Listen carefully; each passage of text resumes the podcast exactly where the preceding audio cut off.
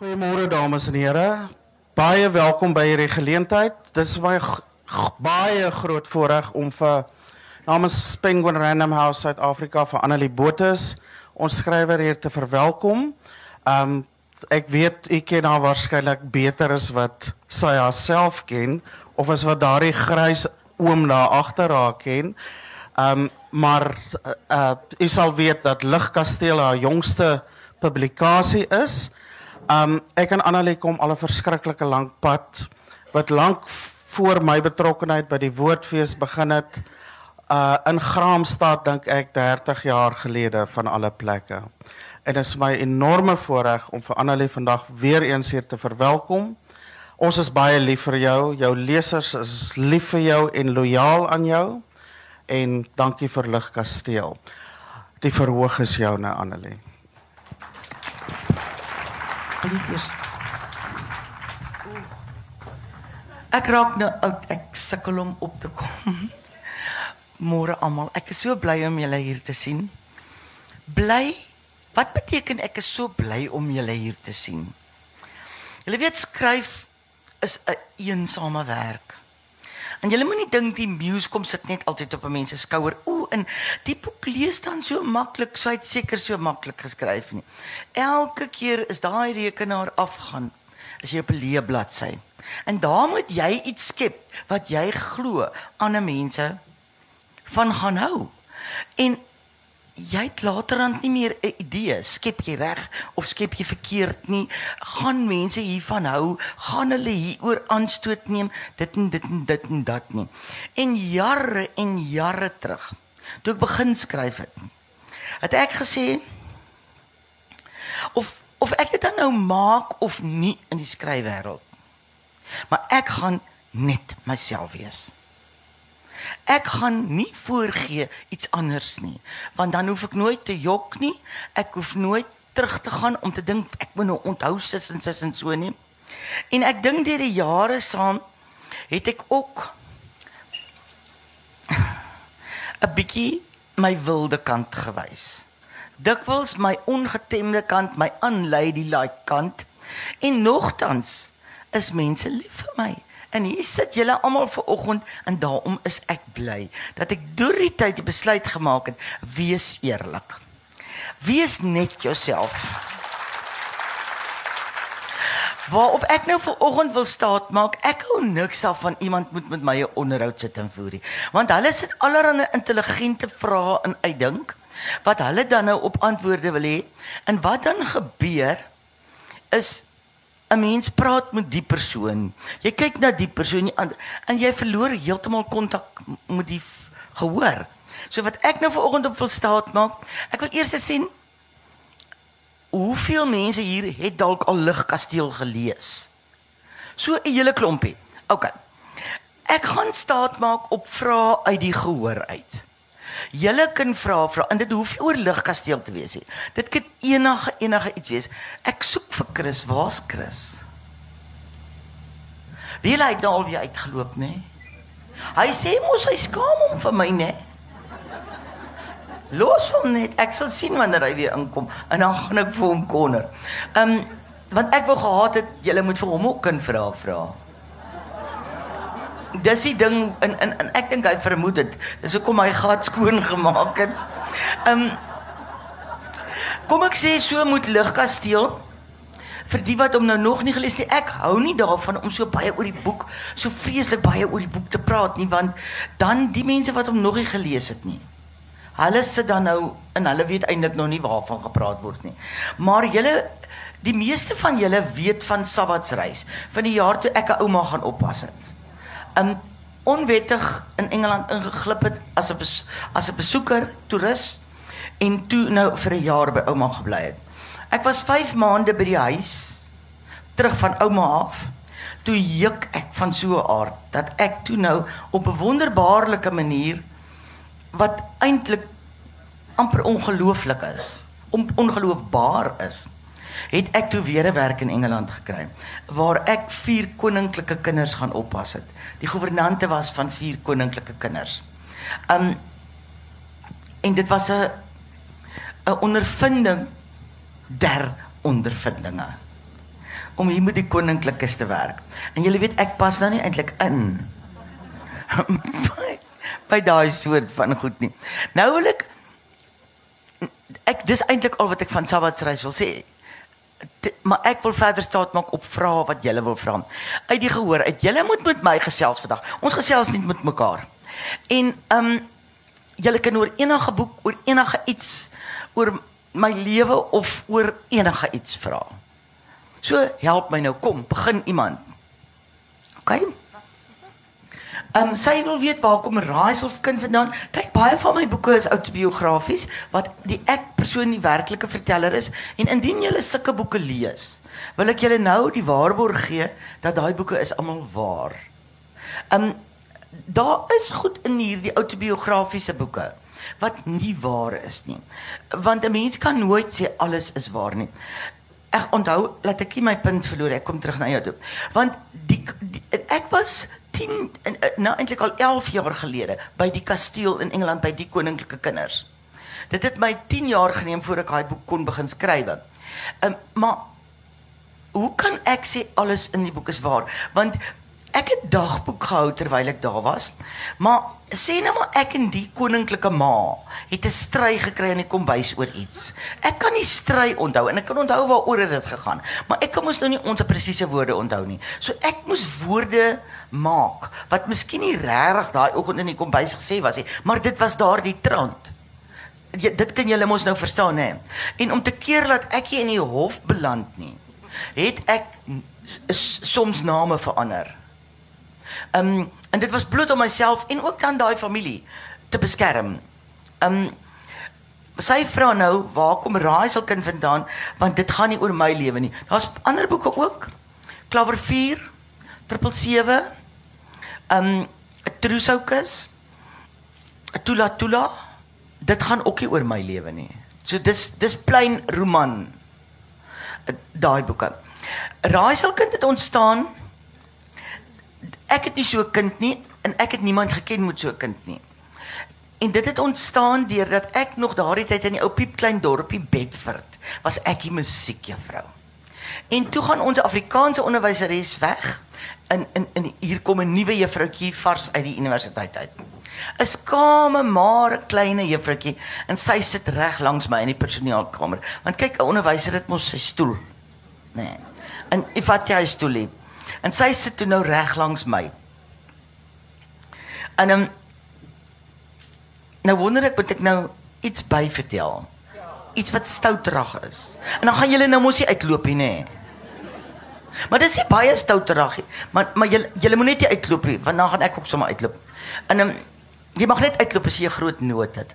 En um, nou sit sy langs my en sy raak betrokke by 'n boer van Adelaide en hulle raak verloof, hulle gaan nou trou. Nou weet ek nou nie of dit vandag nog so werk nie, maar ons ouer mense sal nou almal half kan getuig daarvan. Voordat jy trou, so 2 of 3 maande voordat jy trou, dan moet jy mos vir 'n doktersondersoek gaan. Onthou julle daai tyd? Dan moet jy nou vir 'n doktersondersoek gaan. Ek weet nie presies wat die dokter kyk nie. Maar so moet sy nou die middag vir haar doktersondersoek gaan. Nou Um en sy skaam. Sy wil nie, maar sy moet nou vir die dokters ondersoek gaan. Nou kom sy die volgende dag en sy vertel nou weer van die dokters ondersoek. Sy sê, "O Annelie, sy sê toe ek by die dokter kom, toe gee hulle my 'n botteltjie om in te pie, want sy hulle moet nou sekere urine toets doen." En sy sê, "En toe ek nou klaar gepie het in die botteltjie, toe vee ek my droog, droog, droog, droog af. Laat daar nou niks se fout is nie."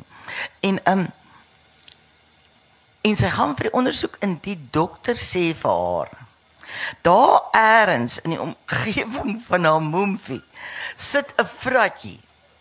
En sy sê sy het nie geweet van die vratjie wat daar sit nie en sy was dood bekommerd oor die vratjie wat dan nou glo daar sit.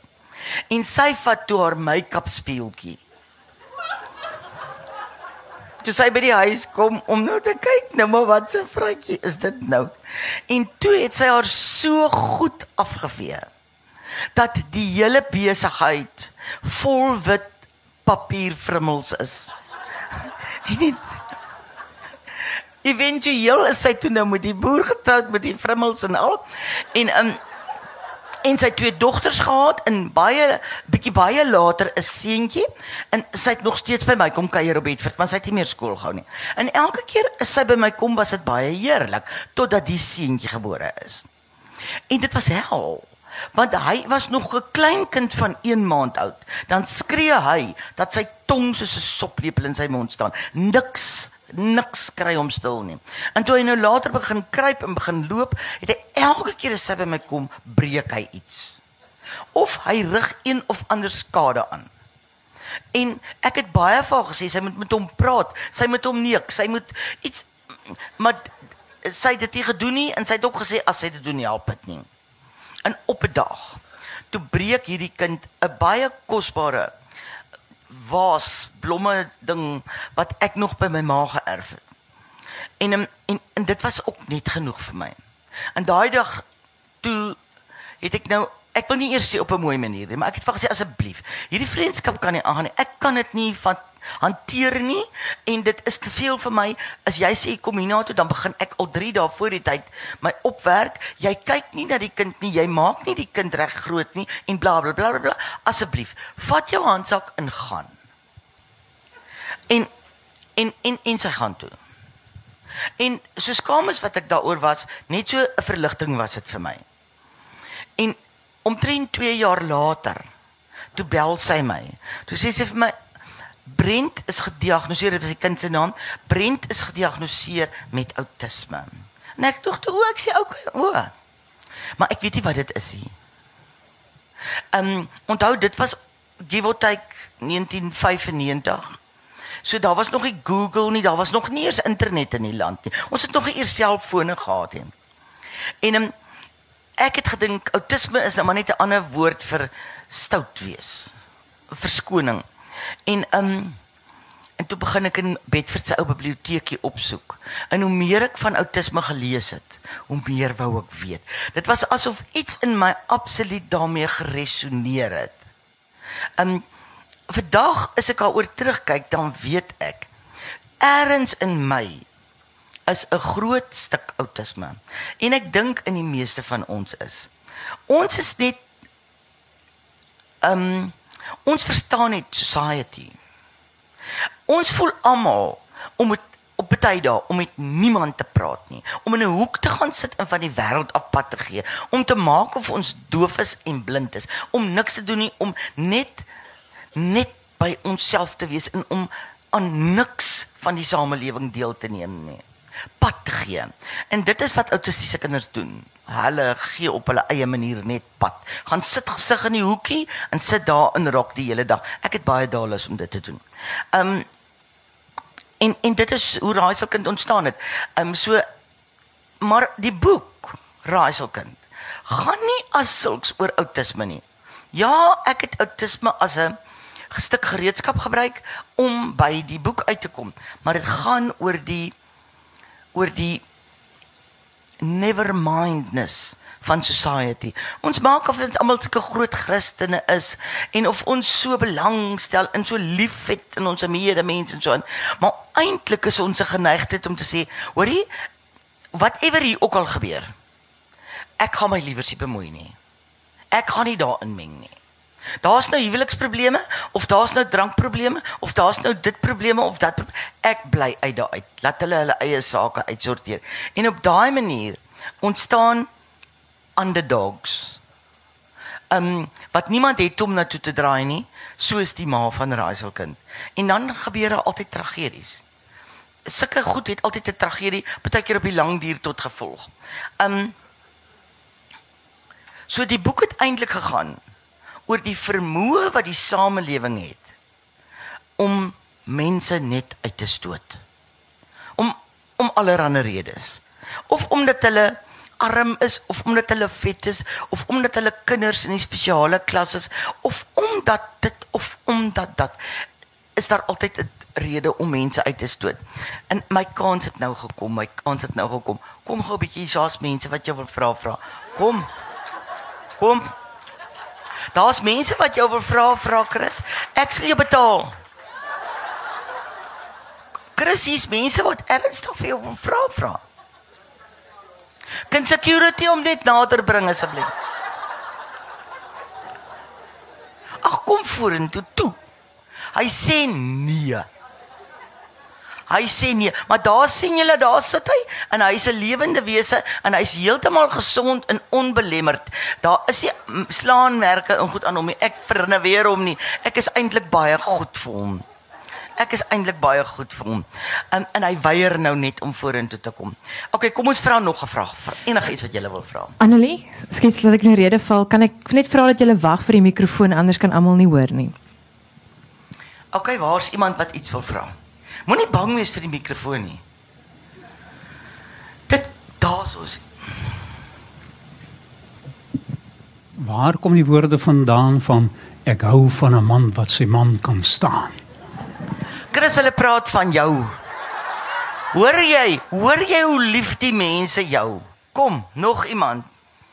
Daarsoos iemand. Ek wil net weet, hoe waar kom die woord raaiselkind, die titel van die boek vandaan? Eintlik ontstaan dit uit Engels uit dat in die wêreld word uh, kyk as ons praat van 'n hemelkind, dan weet ons ons praat van 'n kind met down syndroom, né? Nee? Um almal soort van aanvaar dit. En in die wêreld is 'n uh, autistiese kind in die mediese wêreld bekend as 'n riddle child. En en dan in Afrikaans 'n raaiselkind. En die Engelse vertaling van die boek is ook riddle child want hulle is raaisels. Dis waar dit vandaan kom. Nog iemand ag erns, julle moet onthou 'n uur is lank. Hierso is iemand. Goeiemôre. Ek uh, het vir my toestemming gegee om om 'n persoonlike vraag te vra. Ah. En en ek wil ek het gewonder oor jou en en vanoggend toe toe sien ek hier staan 'n gewone tannie. met stedelike tannie.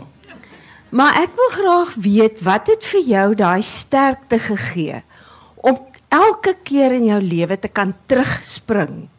Daar moet iets geweldig sterk en veerkragtig wees wat vir jou gehelp het om elke keer uit uit diep goed te kan terugspring en dit dit fascineer my. Ek ek dink ek het 'n antwoord vir haar daarop. Is dat ek is ek is 'n baie sterk mens. Ek ek meen ek ek kan baie dinge deurstaan, maar wat ek baie keer doen is bewuslik en onbewustelik smyt ek myself in die gat in om te kyk of ek kan uitkom. en om te kyk hoe gaan ek maak om uit te kom. Um 'n paar 'n klompie weke voor my geboorte het my ma 'n dogtertjie afgegee aan witseerkeel. En die die probleem is daar was al enstof teen witseerkeel. My ma was 'n opgeleide verpleegster, maar hulle het op die plaas gesit. En die enstof moes koud gehou word. En jy weet daai jare het die enstof nog met die ou rooi spoorwegbus wat al die melkkanne optel. So teen die tyd wat die enstof ergens aankom, is dit warm. Hulle het nie koelbokse gehad nie. Dan sit warm dan werk die enstof nie meer. So my maat nooit die kind laat ent nie. So ek dink my maat eindelose verwyte daaroor gehad en 'n paar weke nadat sy begrawe is, um is ek gebore. En ek dink my ma het hoe genaamd die krag gehad om my groot te maak.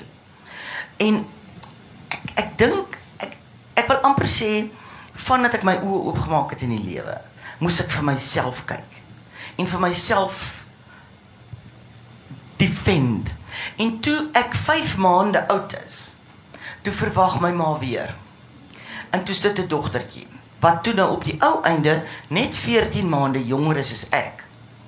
En my ma het my altyd aangestel Ek moet tog kyk dat sy nie in die dam verdrink nie. Ek moet tog kyk dat 'n slang aan die poep nie. Ek moet tog kyk dat die vye sap aan nie brand nie en dit en dit en dit. En ek was altyd na haar kyk en ek was skaars groter as sy. En ek het altyd gevoel ek moet my job baie deeglik doen moet, om te kyk na haar want as sy doodgaan, gaan dit my skuld wees want eers in my kindergedagtes het ek geglo die ander sussie is Onthou ek het dit toe verstaan nie, maar dis wat ek toe gedink het. Die ander sussie wat dood is aan Witserkeel is dood omdat ek gebore moes word. Dit was my konsep. Sy's dood omdat ek gebore moes word. En so het ek altyd probeer Haar naam was Rianaatjie. So het ek altyd probeer om alles in die lewe beter te doen as wat Rianaatjie dit ooit sou kon doen. Sodat my ma van my moet hou. Ehm um, ek moes Ek het gehoor die Anaatjie kon Psalm 23 opsê toe sy 3 jaar oud was. So ek moet dit ook kan doen.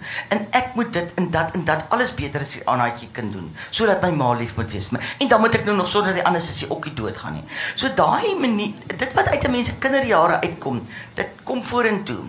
Nou nog is ek altyd op die defend en altyd op die uitkyk vir waar is probleme en waar is gevaar in in in, in nooit met die doel om pad te gee nie altyd met die doel om aan te val. Vorentoe te gaan. Um dis min of meer wat ek vir jou daarvan kan sê. En ek dink sterkte en krag is iets wat uit jou kinderjare uit saam met jou kom. Jy word dit word in jou ingedrul op een of ander manier. Nou soek ek 'n man om vir my 'n vraag te vra. O, dankie daar agter is eene. Ek wil nie 'n vraag vra nie, ek wil net kommentaar lewer dit kom uit jou jeugjare uit. Daai ding wat met jou gebeur voordat jy kan praat. Voordat jy nog taal geleer het. Voordat bewussyn kyk, bewussyn kom saam met taal. Daar kom dit vandaan, jou krag. Ja, want onthou eh, voor my geboorte was ek mos nou al 'n volwasse fetus. En ek kan my net indink. Dit was in die winter ook. Ek kan my net indink dat my ma saans of aan of in die nag vir my pa sou gesê het ek sien nie kans vir hierdie kind se geboorte nie. Ek wens hierdie kind wil nooit uitkom nie want sy was absoluut bedroef. Sy het gerou en en daai woorde het ek gehoor. Ek het saam met my ma langs daai grafie gestaan. Ek het haar gehoor ween. Um en dit het totdat ek 'n taal ontwikkel het en die goed kon bymekaar bring en besef dit maar ek moet myself wanted maak. Um hulle praat van damage in the womb. Miskien is dit wat ek Miskien het ons almal damage in the womb, ek weet nie. Maar um Daar was nou iets anders. O, die eerste beeld wat ek van my ma onthou, is nie 'n beeld nie, is 'n klank. Hoe ek in die nag in my kotjie staan. Die kotjie met die houtreëlings. En dan hoor ek my ma buitekant in die roostuin. Sy het groot roostuin gehad. Dan hoor ek haar huil in die roostuin. Maar dan klink dit soos 'n wolf in die winter wat ween. Daai daai howling sounds. So sy het natuurlik uit die huis uit gegaan met die doel ons moet dan nie hoor nie of niemand moet daar hoor nie. En maar dit was die eerste beeld wat ek van my ma het, daai howling sounds. En um, En dis hoekom ek ook nie wil hê die ou grysse moet ongeskik wees met my nie. Maar dan raak ek sommer weer terug in daai tyd in. Hoor jy dit Chris? Ek sê dit opstel mos voor al die mense. Jy moenie my laat ween nie. Jy moenie my laat ween nie. Hy het ons 'n kontrak geteken. 'n Kontrak geteken dat ek in eerste dood gaan. Hy het gesê ja, jong, gee tog die papier laat ek teken. En want ek het gesê hy ek wil eerste dood gaan want ek wil nie agterbly om sy waanhuis uit te sorteer nie. Want dis iets verskrikliks. Maar hy haat dit as ek oor sy waanhuis praat, so ek sal nou maar net stil bly oor die waanhuis. Kom praat nog met my. Praat nog met my. Hierso. Of daarso. Hallo Annelie, kan jy vir ons 'n bietjie meer van jou kinderjare en jou skooljare vertel en van mense wat 'n invloed op jou gehad het? Ja, daar's ooh ja, daar's baie om te vertel. Kom ek sê, kom ek begin. Toe ek in Sinnet 6 was, daai jaar was nog nie grade nie. Toe ek in Sinnet 6 was, toe trek die nuwe Standard Bank paar. In daai jare is die bankbestuurders vinnig verplaas. Sodat hulle nie kan pelle maak in goed op die dorp nie, in in sagte harte ontwikkel nie. Toe trek die nuwe Standard Bank paar in Uniondale in met hulle drie dogters en dit was te leen en Larius Matthee. Met die gevolg daai tyd was te leen, het sy nog nie 'n boek geskryf nie. Sy's ook nie vir my te leen nie, sy's vir my tannie te leen. Um en my ma was nou weer 'n voorste VLV vrou. En by elke VLV vergadering moes ek nou een of ander ou dingetjie op die klavier speel, want ek het van kleins af klavier geneem. 'n klavier speel, 'n ou Beethoventjie of 'n Mozartjie of 'n dingetjie. Ek het dit gehaat. En um, want my ma wou altyd gehad het ek moet vinnig stukke speel. So dat sy tog nou met Sissie kan brag wat so vinnig kan speel. Ek mag nooit stadig gevoelvol goed gespeel nie. Sissie se vingers moet net so gaan. En um, in een aand by die VLV. Toe Deleen Matthee en een van haar dogters daar met kitare. En hulle speel en almal se voete tik saam. Hulle speel hy ding om bosie van die bosveld. Julle ken hy dingetjie om bosie van die en almal is happy en almal lag en almal se voete tik. En ek dink maar dis wat ek ook wil doen. Maar nou in daai jare, nou praat ons van 1972 se koers. Het vrouens, behalwe as jy Janis Joplin was, het jy nie gitaar gespeel nie. Vrouens, dit was nie 'n instrument wat vroulik was nie. En almal die al die bruin mense het kon gitaar speel en hulle het blikgitare gehad en hulle kon pragtig speel daar. Um maar my ma wou nie gehad het ek moet gitaar neem nie, want ek wil nou toe by Deleen gitaar neem met die doel om uit te vind wie is hierdie interessante vrou, want sy loop daar in die dorp rond met sulke midi skirts en so baie bangles om haar arms en so 'n koolvoet. In in Uniondale dra almal Jan Kliniek skoene en en en almal dik sykouse aan wat nog met die suspender knoppe vasmaak in in in in in middellyf bandjies om hulle rokke en sy's heeltemal anders. En hierdie interessante vrou het my so gefassineer. Maar gitaris mos nou die antwoord. En ek nek my ma en ek nek my ma vir gitaar. Sy sê nee.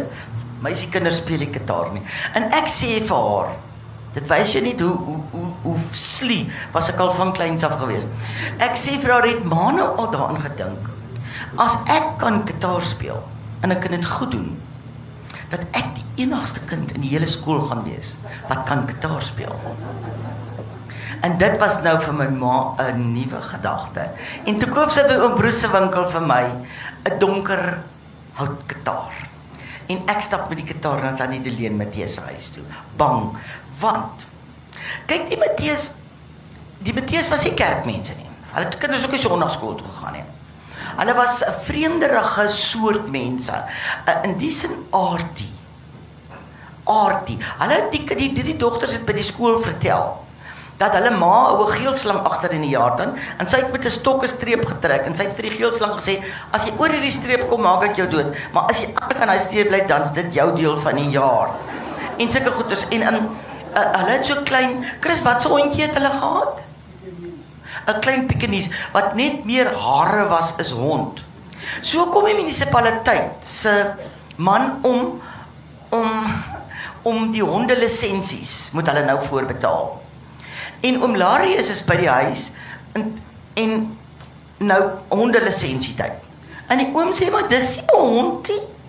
Dis 'n kat. En hy meterleser dit daai. Nee, is is 'n hond. Hy sê is 'n kat jy ek ek hoef nie 'n lisensie vir 'n kat uit te neem. En daai man is al weg, hy het geglo dis 'n kat. En um, daar was die wonderlikste snaakse stories wat uitgekom het. En um, en sy onthou in so klein Karoo dorpie in die vroeë 1970s. Kinders was gehoor maar nie gesien nie. Ons moes uitgaan. Ons mag nie groot mense geselskap sit en tande tel nie. En met die gevolg, ek dink die mense wat nou so in die omgewing van 60 is, sal weet ons het eintlik 'n skokkende klein algemene kennis gehad. Want ons mag ook eers van standaard 6 af aan die groot menskant van die biblioteek uitgeneem het. En dan as dit enigstens na 'n soenderige boek lyk, dan bel die bibliotekaresse jou ma en sê vir jou ma die kind wil hierdie boek uitneem, mag die kind hierdie boek uitneem. Ek weet nie of van julle dit ook so onthou nie. So ons het eintlik baie min van die lewe geweet. Ons het nooit die groot mense hoor gesels nie. Ons het nooit hulle redenasies gehoor nie. Ons het saans die 7 uur storie geluister op die draadloos. En dit was iets 'n gewaagde storie was waar mense dalk gesoen het of gemaak het. Dan in dan mag ons dit geluister het. En um, en hier hier is hierdie interessante vrou. En ek stap met my kitaar die dag tot voor haar deur. Maar nou is ons bang. Want by ons almal se ouers het ons gesê, "Ag, moet liewer sê daar speel nie. Hulle gaan nie kerk toe nie." En daai daai tipe van ding. So niemand het eintlik by hulle gaan speel nie omdat ek dink al die ouers was nou bang. Ek weet nie, daar staan ek by die gitaar, ek weet nie wat gaan ek agter hierdie voordeur sien nie. Daar sit 'n gewone vrou met 'n gewone huis waar kos gekook word en alles word en en sy sê maar my kind, natuurlik sal ek jou leer gitaar speel. En dit het toe nou ontwikkel en ek het vir jare, ag man, ek kon die gitaar binne 'n maand of twee speel. En um, uh, uh, want ek neem toe al jare lank musiek kon note lees en alles. En uh, maar dat ek nog elke week vir my gitaarlesse gaan. Sit die gitaar aan die hoek neer. En dan praat sy met my asof ek groot mens is. En sy daar het ek vir die eerste keer gehoor van iets soos die Bermuda Triangle of ehm um, dat daar iets soos Hindus bestaan. In in Unionville was 'n NG Kerk. En die mense daar het gepraat oor die kerkbazaar en oor die vroue bidtier en oor baked beans en oor stoflappe en oor sulke goed. Ons het ook nooit gehoor 'n vrou is pregnant nie. Ons het ook nooit gehoor sy swanger nie. Dis altyd stilletjies gesê. Sy's verwagtend. Sy's verwagtend. So daai soort goed was glad nie voor ons gepraat nie. En hier praat Tannie Deleen met my. So sit 'n eindelose groot invloed op my gehad om my nuuskierig te maak vir die lewe. Wat wat kan ek alles by haar leer? Wat kan ek by haar het ek geleer? Watse boeke lees 'n mens? Om nie fiksieboeke om meer van dit en dit en dit en dat te weet. By haar het ek geleer om niks te veroordeel nie, om alles te ondersoek en om te on, om te hou wat my siel glo. En baie mense sê dat daar was al baie neidige aanmerkings dat ek kopie vir Deleen Matee. Um dit is nie waar nie. Dis baie makliker om jou eie goed te skryf as om iemand anders te kopie. Maar ek kan dit nou vandag met 'n eerlike hart sê, Deleen het in dieselfde area as ek groot geword. Sy het op Riversdal groot geword, ek het op ons praat dieselfde streeks dialek. Ons het albei saam met breinmense groot geword. Ons ken die breinmense se dialek en gewoontes en kulture baie goed. Um ons het albei met graan en vrugte en bobbejane in so groot geword. Berge. Um fynbos. Dit was alles deel van en toe het ons ook vir 'n klomp jare op dieselfde dorp gebly. Waar mense dieselfde karakters en dieselfde goed so dit is maar net 'n geval van ons is amper op 'n manier amper sê bure gewees ons lewe lank. En enige iemand wat uit daai area uitkom wat 'n roman skryf gaan ook so begin klink want dan ons skryf oor daai areas goed. Ons praat daai areas se taal. In al ons boeke kom op bejane en koring en vrugtewoorde en en plaas en sulke goed voor. Um daar in Judendal was 'n ou meel. Maar het nie meer lekker gewerk nie, ou watermeel. En tannie Delene het dit haar ten doel gestel om hierdie ou watermeel weer aan die werk te kry. Um en een aand toe dit was so laatmiddag toe stap ek en sy af na die watermeel toe. Sy wil my nog gaan wys hoe ver is dinge nou al. En daai tyd toe, toe soos ek sê het sy nog nie 'n boek geskryf nie. Uh, maar sy het al baie kort verhale vir tydskrifte en so aangeskryf. En elke keer as ek hoor by die skool maar daar's nou weer 'n storie van haar en dan slip ek sommer pouse uit die skool uit om my boek te gaan koop. Hy huisgenoot of Sari of iets gaan koop. Want ek kon nie wag nie. En ek het haar ek het haar aanbid omdat sy kon skryf. Ek wou ook skryf my lewe lank. En in die aand by die watermeel, toe was ek seker so in standaard 8. Toe sê ek vir Tannie, ek wil ook graag skryf. Kan Tannie vir my sê hoe doen 'n mens dit? Hoe kry 'n mens dit reg? Toe gaan staan sy stil En sy kyk so ver voor haar uit. Sy het so 'n manier gehad om haar arms so oor haar bors te kruis. En sy sê vir my Annelietjie. Ja, ek kan jou leer. Ek kan jou sommer nou hier leer. Net hier waar ons staan. En ek raak nogal opgewonde. Sy sê vir my die reël is It's you and you alone. It's you and you alone. Skryf is 'n eensame taak, mense. En dit is you and you alone. Die die me, hoe meer skryfskole jy opgaan, hoe meer skryfkursusse jy bywoon, hoe meer ander mense se insette jy kry, hoe meer boeke jy lees oor hoe om te skryf, hoe meer bederf jy, maak jy jou eie skryftalent bedorwe. Regtig, maar nou probeer jy maak soos ander mense sê, want skryf is 'n soul thing. Dit kom uit jou uit diep uit jou uit. En as jy nou gaan probeer om te maak soos die boek sê en soos daai kursus ou gesê het en soos die een gesê het, dan is jy later dan so in die war dat jy nie weet waar jy is nie. En jy weet nie meer wie jy is nie.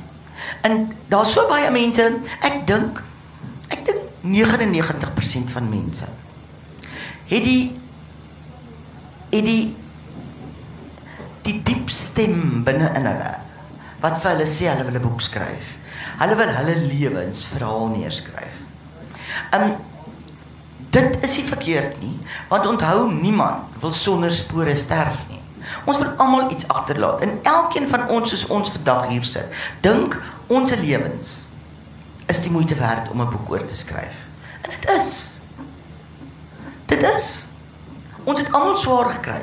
Ons het almal deur dale van die doodskade week gegaan. Ons het almal op pieke van vreugde gestaan en ons voel ons het almal gesukkel om te kom waar ons vandag is. Ons het hartseer gehad om te kom waar ons is. Ons wil ons boek skryf. Um en dan kom mense na my toe. Dan sê hulle ek wil my lewensverhaal vir jou vertel want en ek sal jou betaal, maar ek wil ewig my boek vir my skryf. Wie julle en ek sê vir almal nee. Want die waarheid is net jy was daar toe jy jou man se oë toegedruk het die laaste keer. Net jy was daar toe jou kind slap geraak het in jou arms. Net jy was daar toe jou ma vir oulaas haar oë oopgemaak het en na jou gekyk het en toegemaak het en nooit weer. Net jy was daar in daai nagpyn, daai donker wêreld. En net jy kan dit skryf, want net jy kan dit voel. Ek dink dit was Ernest Hemingway, ek weet ook nie Mark Twain wat gesê het um nou dit vergeet wat ek wou gesê het. O, um wat gesê het. Dit was John Steinbeck wat gesê het 'n skrywer gaan versigtig om met woorde want hulle kan of wreed of goed wees en hulle kan hulle betekenisse reg voor jou oë verander hulle tel reuke en geure op soos botter in 'n yskas nou net jy kan daai woorde skryf en of dit ooit 'n boek word is nie ter saake nie Watter sake is is dat jy miskien 'n joernaal vir jou dogter wil skryf. Net jou woorde, die reuke van die botter in jou yskas, net jy weet hoe dit werk. Um Ek weet eers waar ons begin nie. Iemand hier het 'n vraag gevra en ek hou net aan en aan aan laat ek tog net hier stop want jy weet ons ry Partykeer na die vryfees toe of hier op in die land na 'n plek toe. Van die baai af, van ons bly in die baai. Poppy is 'n baai. En as ons daar by Steensburg trek. Dis nou omtrent al 4 ure se ry. Dan sê die gryse vir my: "Kan ek vir kan ek stop dat jy vir jou 'n bietjie tee ingooi nie want jou keel is seker krik droog. Jy het nog nooit opgehou met praat nie." praat en dan vra en dan later sê ek vir hom, maar ek het langs die pad vir jou daarvan gesê. Hy sê hy nee, ek jok, ek het nie gesê nie. Hy hou op luister. Hy hou hom doof. Hy hy shut down. Kom ons kom ons hoor, hoeveel tyd is nog? Hoe laat is dit nou al? Kwart voor. Okay, so ons het nog so 'n kwartier tyd. Vra wat jy wil vra. Vra, daarso. Hallo Annelie. My verhouding, ek het al jou boeke, maar my verhouding met jou het begin toe jy my eendag raad gegee het. Ek weet nie of jy sal onthou nie. Ek ek is een van die mense wat jou 'n uh, e-pos gestuur het en gevra het help my, ek moet gaan kering doen. Jy moet gaan. Ek moet gaan kering doen in Engeland. Ek weet nie wat se Afrikaans vir kering nie, maar ek was een van hulle en jy, jy het my geïnspireer om deur te druk deur 'n baie moeilike tyd en dit te gaan doen. En ek het my storie daaroor geskryf. So ek wil vir jou sê dankie vir al jou boeke wat vir almal die guts gee om dalk 'n ding te doen wat hulle nie eintlik wou gaan doen nie, maar moes gaan doen. So baie dankie, dis al wat ek wil sê. Baie dankie. Dankie. Gee daar vir iemand ook. Dankie hoor. Ehm um, môre Annelie. Ek Hallo. my naam is ook Annelie en ek kom van PE af. Ek en my vriendin het van PE afgekom vir jou te kom luister. Van woordfees toe gekom. Van Lorraine af in Port Elizabeth. Ehm um, ek wil iets oor Ligkasteel vra. Uh, Daar's nog niks oor Ligkasteel gevra nie. Ek het hom baie geniet en as ek as ek huil as ek 'n boek lees, dan dan sit 'n goeie, dan sit 'n goeie boek. en ek wil weet van die ehm um, kos. Het, het jy in die kontrak geweet jy gaan nie kos kry nie want ek het jou so jammer gekry dat jy nie kos gekry het nie. Wie jy baie keer dink 'n mens jy as skrywer dink maar jy het 'n saak mooi verduidelik. En ek leer baie gou-gou vir mense wat skryfskole bywoon. Ekskuus tog. Ek het ek het 'n bietjie bronchitis. Ehm um. Ek leer baie gou vir hulle en te sê dan sê hulle vir my ja maar dit wat hulle nou hier geskryf het dis nie wat hulle so bedoel het nie. dan sê ek wag wag wag jy moenie vir my sê hoe jy dit bedoel jy moet skryf hoe jy dit bedoel het want as jou boek eers uitgekom het en hy staan op die rakke dan kan jy nie in elke CNA gaan staan in daar by die boekrak en vir almal sê oudjies oudjies daar op bladsy 73 het ek eintlik dit bedoel nie nee jy, jy dan sit klaar geskryf. Dis verby, dis oor, dis klaar. Nou ek het daai ding van die kos. Ek het gedog ek sê dit duidelik want 'n mens moet ook nie spoon feed vir jou lesers nie, maar ek dink regtig. Daar's te veel mense wat daaroor vra. Kyk, ek het op 'n landgoed gebly, 'n koninklike landgoed, 'n entjie uit 'n village uit.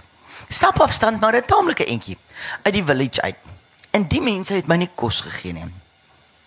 Onthou toe ons die kontrak doen.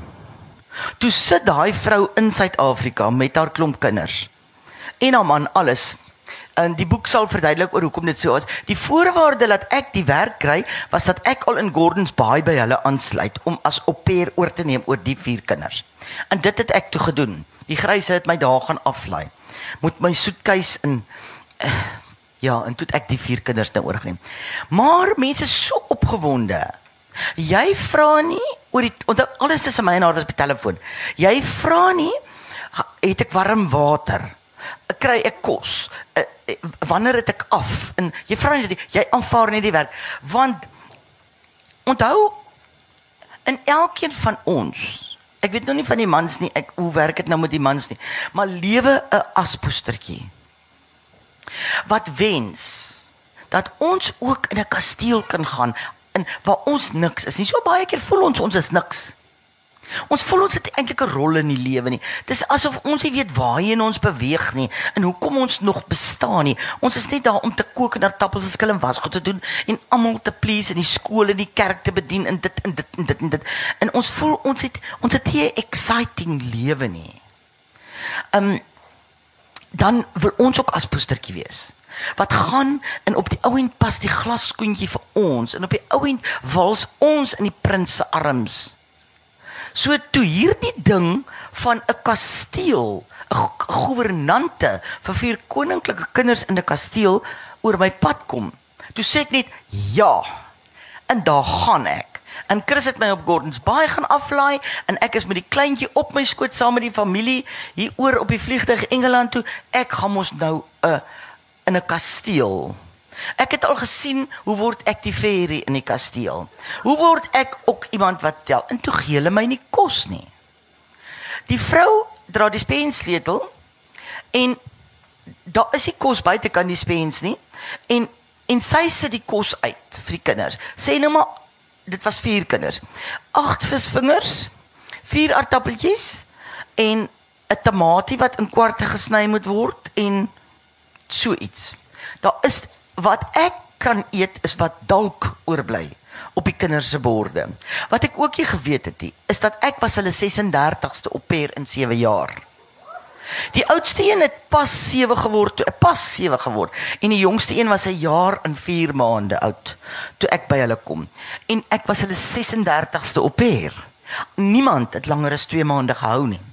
En um, so nou kry ek nie kos nie. Nou wonder ek wanneer gaan ek kos kry? Dan kry ek nie kos nie. Ehm um, en so daai ding, daai Afrika ding wat in baie van ons is om julle ek dink nie julle te idee sterk is ons Afrika vroue nie. Die die Britse vroue, wel ek sê nie almal nie, maar daar by Granny haar dogter, is daar 'n streep mure oor die vloer loop, dan spring sy so en sy gil en sy bel 911. Oor 'n streep mure wat oor die grond loop of oor oor haar kombuisvloer loop of daar sit 'n spinnekop, dan bel sy 911. Um, ons ons koppe werkie so nie. Nou kry ek nie kos nie. En dan is ek wortelskrap in aartappelskil, dan berg ek skille. Dan kook ek dit vir my. Onthou skille is kos. Niks fout met skille nie. En ehm um, ek het baie keer hoenders hoendereiers gesteel uit die ehm um, hoenderhokke uit. En dan breek ek dit in my koffiekoppie buitekant. Dan breek ek dit in my koffiekoppie oop en dan roer ek dit met 'n stokkie Ek wil nie daai drel sien nie. En dan druk ek my neus toe dan sluk ek daai rou eier af want dis kos. En daar's niks vuil aan nie.